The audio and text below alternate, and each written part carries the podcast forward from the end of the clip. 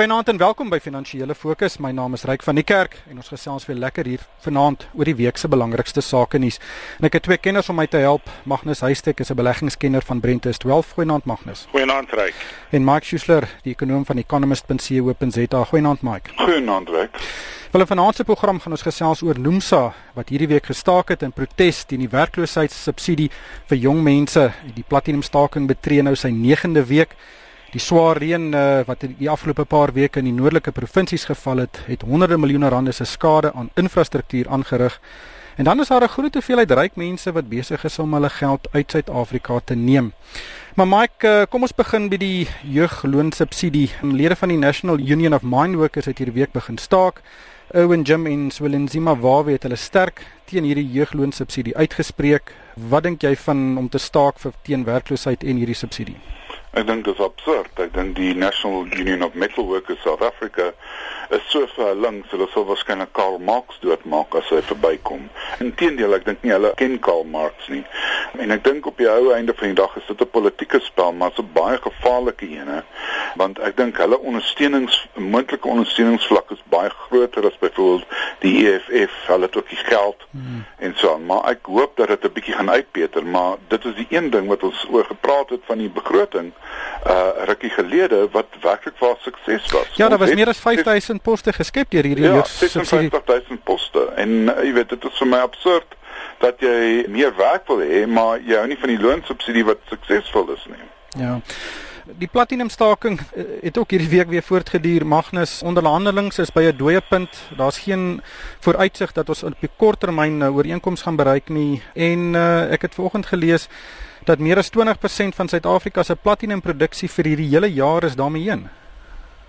Dis baie kommerwekkend en as van ons groot fondsbestuurders soos Ellen Gray wat byvoorbeeld sê dat die platina bedryf is baie na aan 'n punt dat hy en hy gaan stort. Daai fondsmaatskappye het byvoorbeeld al al hulle platina aandele verkoop en hulle het 'n baie goeie argument uitgemaak dat op langtermyn soos dit nou aangaan gaan die platina bedryf dieselfde rigting as ons goudmyn bedryf en dat hy oor so 10, 15 jaar totaal sal uitsterf en dit is uiters uiters kommerwekkend. Mike die die, die arbeidssituasie in die land is 'n wesenlike strukturele probleem wat ons nou sien. Maar ons het altyd arbeidsonrus gesien. Verskil wat ons nou sien met wat ons in die verlede gesien het. Ja, baie groot. Ek dink uh, wat ons in die afgelope tyd gekry het in die afgelope 2 tot 3 jaar is baie lang stakings. En dis abnormaal wêreldwyd. Ek het bietjie gekyk, die langste staking in die wêreld is wel 10 jaar, maar dit is 130 werkers wat eintlik net opgehou het werk op jou einde. Hulle het toe nie meer eintlik gestaak soos in die regte sin van die woord nie. Waar waar was die staking? In Amerika van alle plekke. Maar jy weet as jy daarna kyk, jy weet jy kan dit baie maklik sê daar's 'n 10 jaar staking, maar oor die algemeen is dit so uitsondering dat enige iemand oor 2 of 3 weke staak as 'n mens teruggaan na die Engelse winter of discontent, praat 'n mens van maande lange stakings, 'n maand lank of 'n 2 maande lange staking dat die regering tot 'n val gebring. 'n Mens kan na Frankryk toe gaan wat bekend is vir hulle stakings in Europa en 'n mens praat van, jy weet, op die langste 'n 4, 5 weke staking wat hulle in die afgelope 30, 40 jaar beleef het. In Kanada waar baie lang staking plaasgevind het onder akademici, is daai lang staking 7 weke gewees. Op die huidige stadium praat ons nou van 9 weke in die platinumbedryf. Dit is ongehoord wêreldwyd dat jy sulke groot stakings wat aanhoudend mense heeltemal vernietig. En ek dink dit is die probleem. En eh, weet soos Magnus nou gesê, die produksie wat verlore is, is nou al 16-17% van hierdie staking vir die jaar. Jy praat van die Northern staking wat plaasgevind het vorige stakings in die hmm. platinumbedryf. Hierdie ouens het het so baie verloor dat die bedryf nou werklik waar onder baie baie druk is. En vir die hele ekonomie op die Heidelberg is die verliese meer as 'n kwart persent van ons BBP. Dit is verstommend. Dit is te veel en dit gaan ekonomiese groei beïnvloed en dit is werklik waar besig om 'n baie groot indruk te maak op beleggers in Suid-Afrika, nie net beleggers van oorsee nie, maar ons eie mense is besig om te sê ek gaan nie meer in Suid-Afrika belê nie.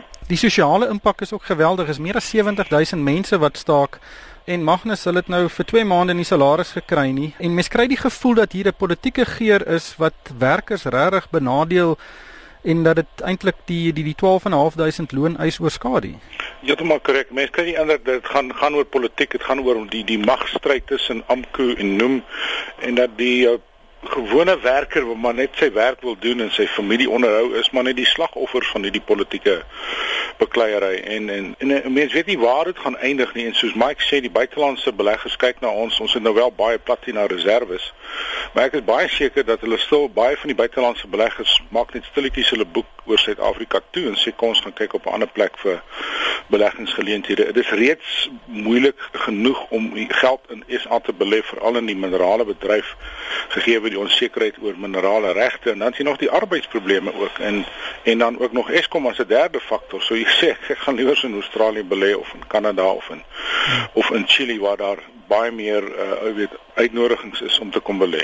Maar dit sluit aan by 'n persepsie dat uh, baie van veral ryk Suid-Afrikaners besig is om geld op groot skaal uit die land te neem meer as weet jy die normale tendens. Magnus, wat wat wat sien jy in die mark? In die afgelope 3 jaar en veral in die afgelope paar maande was daar 'n geweldige toename van vermoënde beleggers wat wat uit hulle eie na vore kom en sê ek ek is nie gelukkig met my groot blootstelling net aan Suid-Afrika nie. Ek moet diversifiseer. Dis nie net die rand nie, dit gaan ook oor sulke dinge soos die stakings en die onsekerheid. So die stroom van mense wat fisiekele geld nou land uitvat deur middel van die beleggingstoelae is astronomies. Ons sien dit in ons besigheid. Jy kan dit ook in die verslae sien. 'n Fondsmaatskappy soos Ellen Gray moet sy buitelandse fonds sluit as gevolg van die geweldige vraag vir mense wat geld land wil neem. So dit is iets wat 'n mens moet dophou. Mike Ja, vir my gaan dit daaroor dat dis nie net die geld wat die mense wil uitvat in portefeulje bestuurders 'n uh, uh, tipe van geld nie soos Magnus nie, maar dit gaan vir my daaroor dat mense eintlik hulle geleenthede ook wegvat. Mense kry al hoe meer navrae en maatskappye wat sê wel ek gaan elders in Afrika belê of ek gaan kyk of daar nie beter heenkome vir my in Brasilië of in Chile of waar ook al is. En die feit is die groot maatskappye, die die top 60 maatskappye van Suid-Afrika het reeds 70% van hul omset buite Suid-Afrika se grense. En eh, as ons dit 'n stap verder vat, dit is nou die kleiner maatskappye en die medium grootte maatskappye wat dit doen. En 'n mens kry maatskappye wat miskien sê 50, 60 mense in diens neem wat nou kyk om hulle volgende 4 of 5 mense in diens te neem buite ons land se grense. En mense wil nou nie name noem nie, maar daar's 'n groot gros maatskappye wat regtig besig is om dit te doen. En dit is baie baie kommerwekkend op die huidige stadium. Ek dink ons gaan sukkel om ekonomiese groei te kry en ek dink nie hierdie ouens wat staak en hierdie regering wat nie aandag gee aan die aan die ekonomie wat besighede aanbetref nie, besef wat hulle besig is om te doen nie. Ek dink mense is besig om eintlik 'n bietjie hoop te verloor en dit maak my baie mismoedig. Nou Ryk, as ek net kan byvoeg, ek was uh, so rukkie gelede by 'n uh, ontwikkeling in Mauritius wat sopas gebou is en ek het vir 'n week of twee daar gebly. Ek dink die die algemene spreektaal van die inwoners was Afrikaans. Die voorman van die ontwikkeling was Afrikaans, die ontwikkelaars was Afrikaans en as jy met die mense praat, is almal vermoënde sakemense in Suid-Afrika onder die radar wat uh, eenvoudig net hulle geld land uitskuif en eiendom eerder op 'n ander plek koop ten duurste juis om te diversifiseer van Suid-Afrika. Dit was nogal 'n baie snaakse ervaring. Jy sit in braai in 'n vreemde land en almal praat rugby en en almal praat Afrikaans. Ja, maar Magnus, weet ons het ons het nou 'n skielike verswakking gesien in die waarde van die rand. Nou ewe skielik is buitelandse beleggers die die die geur van die maand as dit so kan stel, maar dit het presies hier in die laat 1990s ook gebeur. Die rand het vinnig verswak. Toe het almal alle al wat 'n finansiële raadgewer is gesê buiteland, buiteland, buiteland en baie baie mense het hulle self gebrand is dit nie maar net die geskiedenis wat hom nou weer herhaal nie. Ek dink nie so nie. Ek meen ek is op rekord dat ek al vir 3 jaar mense aanbeveel om geld die land uit te vat. In hierdie stadium nie oor 'n verdere verswakking van die rand nie, maar om beter groei geleenthede op 'n ander plek te kry. So dis gaan oor diversifikasie. En ten tweedens dink ek hierdie keer as jy die rand baie fyn studeer, is hier meer 'n strukturele en 'n meer langdurige verswakking in die rand as vergeleke met die twee vorige geleenthede uit die afgelope 15 jaar wat kort sterk verswakkings was en dan het die rand weer versterk. Hierdie keer dink ek is ons in 'n langtermyn sikliese daling van die rand as gevolg van 'n klomp strukturele ekonomiese redes. Kom ons kyk aan na die reënskade. Weer die afgelope paar weke het dit geweldige reën in die noorde van die land. En uit Pretoria of die Tshwane Metro gesê hy gaan uh, 124 miljoen rand spandeer om die paaie en infrastruktuur te herstel. Johannesburg gaan omtrent 60 miljoen rand uh, op sy se daarvoor en dit is uitgesluit die skade wat selfs in Mpumalanga aangerig is. Mike, hoe groot is hierdie skade in relatief tot die ekonomie en en gaan dit die ekonomiese groei dalk benadeel? Die ding is ek dink dit het reeds benadeel in die, in die feit dat die elektrisiteit vir 'n rukkie vir baie mense af was en vir die groot verbruikers van elektrisiteit. Dit is die grootste skade wat ek sien. Die ander skade onthou as jy nou die paaie regmaak, is dit eintlik 'n ekonomiese boost want jy gaan dan weer geld spandeer in die ekonomie in. Natuurlik terwyl jy nie die paaie behoorlik kan gebruik nie, is dit 'n probleem. Maar eh, kom ons sê Johannesburg het 'n paar potholes en uh, jy maak hulle reg en is 'n bietjie meer as normaal en jy spandeer daarop, dan is dit spandering in die ekonomie solank die uh, verkeer en so net redelik normaal vloei. So ek dink nie mense moet daarna kyk nie, maar dit is natuurlik skade vir die stad en op 'n manier moet hulle dit terugeis en dit sal op die ou einde vir ons die belastingbetalers iets wees wat ons sal moet dra. Ek dink die groter probleem is uh, dit uh, wys dat die infrastruktuur in Suid-Afrika redelik oud is en ek worry nie oor die paaie nie, maar dit was die elektrisiteit en die feit dat selfs brûe en sulke goed gegaan het dit wys jy dat die infrastruktuur effens oud is in Suid-Afrika. Ek dink dis die groter issue eerder as net die reënskade. Die tyd is besig om ons in te haal.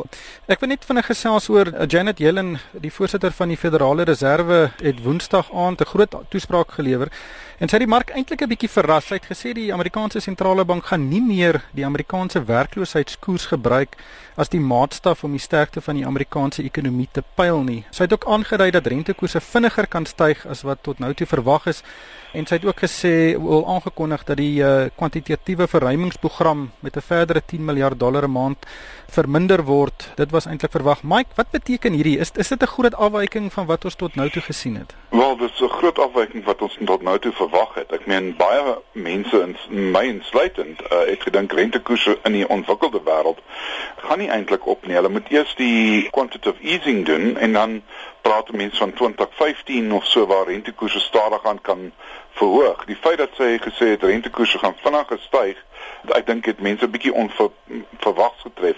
Maar dalk is sy ook besig om te sê, goed, hierdie markte van ons is almal bietjie die die inflasie is nie in die produkte mark nie. Die inflasie is in die batemarkte. Met ander woorde, so iets soos die aandelemark wat oor prys is. En uh, mense moet ook versigtig wees daarvoor. Jy weet op die ou einde van die dag kan ons net nie bekostig dat dit iewes skielik weer tot 'n volgende krisis lei nie as die markte homself herprys. So ek dink sy is besig om 'n bietjie van 'n oorlog te voer teen markte wat sy voel dalk 'n bietjie oop waardeer is omdat almal geld daar sit omdat rentekoerse veral in die eerste wêreld net op 'n ronde nul is eintlik hmm. en uh, mense dus net hulle geld in 'n uh, ekwiteitsmarkte kan sit. Dit het so erg gegaan baie kenners sê o, moet nooit weer geld in die bank sit nie. Maar dit vat jou net 'n bateklas dan ja. weg. En dit is ook nie reg nie, maar ek dink dit is wat sy probeer doen. Magnus, wat is wat sê jy daarop? Wel, uh, jy moet onthou dat die kwantitatiewe verruiming van die Fed het uh, die mark die die aan die S&P 500 sê dit sy laagtepunt in Maart 2009 is nou al met 178% op en ek dink uh, ja soos Mike sê, jy weet daar is 'n bietjie van 'n borrel wat besig is om te ontwikkel en ek dink sy stuur nou boodskap aan die mark. Ek gaan voort met my program. Ek gaan dit maandeliks met 10 miljard dollar verminder. So ons trek nou by slegs 55 miljard wat sy maandeliks gaan bestee. En ek dink die mark sal dalk daai boodskap duidelik kry en dan ook bietjie meer sekerheid kry dat dis is dis 'n tannie met wie jy nie wil arms toe nie. Sy gaan bly by haar program.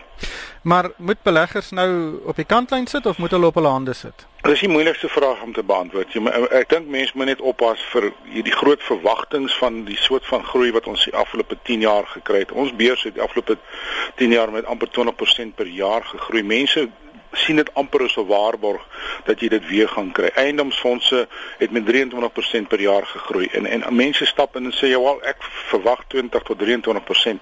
Dit is onrealisties. En daai boodskap moet 'n mens deurkry. Ek stem heeltemal saam met Magnus Ryk, weet jy, dit ek dink dit is 'n baie goeie manier om dit te sê en ek dink nie 'n mens moet op jou hande sit nie. Dit is 'n baie moeilike vraag om te antwoord.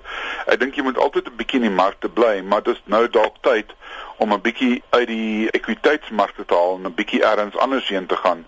En ek weet nie altyd waar daar ergens anders heen gaan nie, maar maar as jy uitvind, laat my weet asseblief. Luister, ek gaan die die, die ons gaan daarmee daltroep die tyd het ons ingehaal. Baie dankie aan Magnus Huystek van Brenterswelf. Dankie Magnus. Goeienaand julle. En Mike Schuster van economist.co.za. Dankie Mike. Uh, dag. En van my ryk van die kerk, dankie vir die saamluister en ek hoop almal het 'n winsgewende week.